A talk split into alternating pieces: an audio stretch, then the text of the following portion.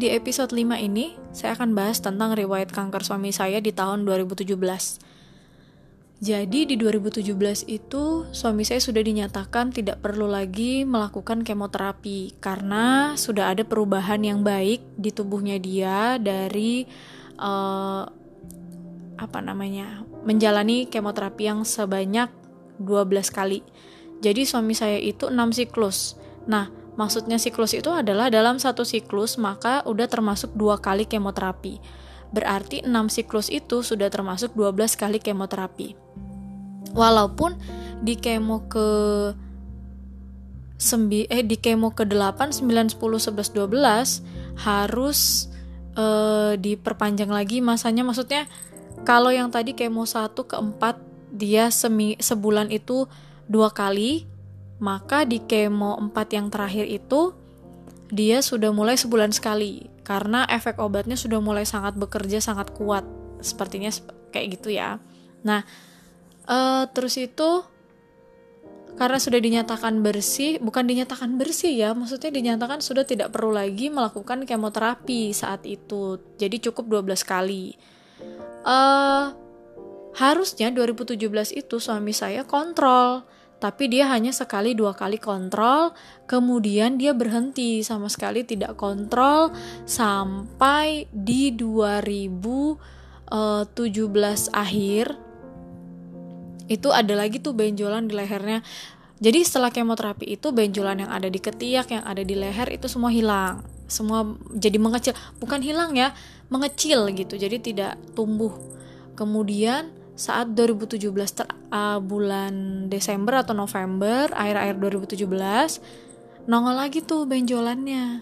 Jadi uh, kayak hidup lagi gitu kan. Jadi uh, nongol lagi. Kemudian uh, saat nongol itu suami saya uh, itu drama dimulai lagi. Jadi agak menyedihkan karena 2017 Desember itu kontrak kerja suami saya itu tidak dilanjutkan tanpa alasan yang jelas gitu.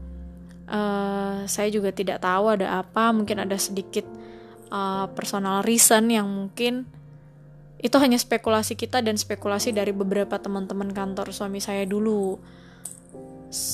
Terus karena mungkin dia kepikiran, kepikiran untuk uh, cari kerja lagi gitu. Jadi tekanan pikirannya, beban pikirannya juga sudah mulai uh, berbalapan dengan penyakit yang dia derita.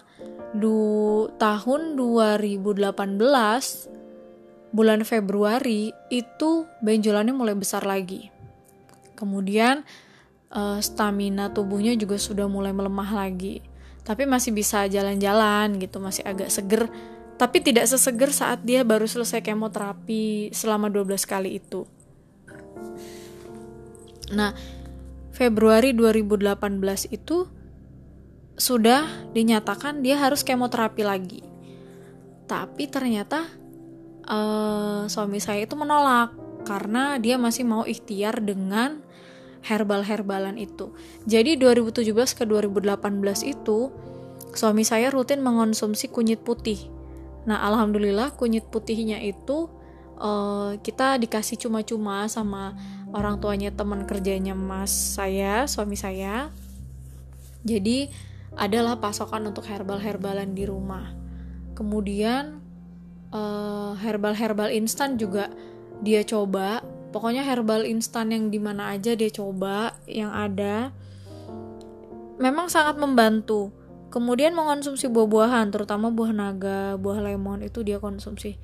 Sayangnya semuanya itu kurang membantu gitu loh di badannya dia. Karena itu akan semakin saat itu semakin membengkak gitu loh lehernya. Jadi memang perlu penanganan langsung di kemoterapi lagi. Tapi suami saya sudah nolak dan capek ya bolak-balik bontang sama Rinda setiap dua minggu sekali atau tiga minggu sekali dia tuh capek. Apalagi anak kami saat 2018 itu sudah mulai bisa jalan udah mulai lari-lari udah bisa ngobrol. Pokoknya dia nggak mau melewatkan masa-masa itulah gitu.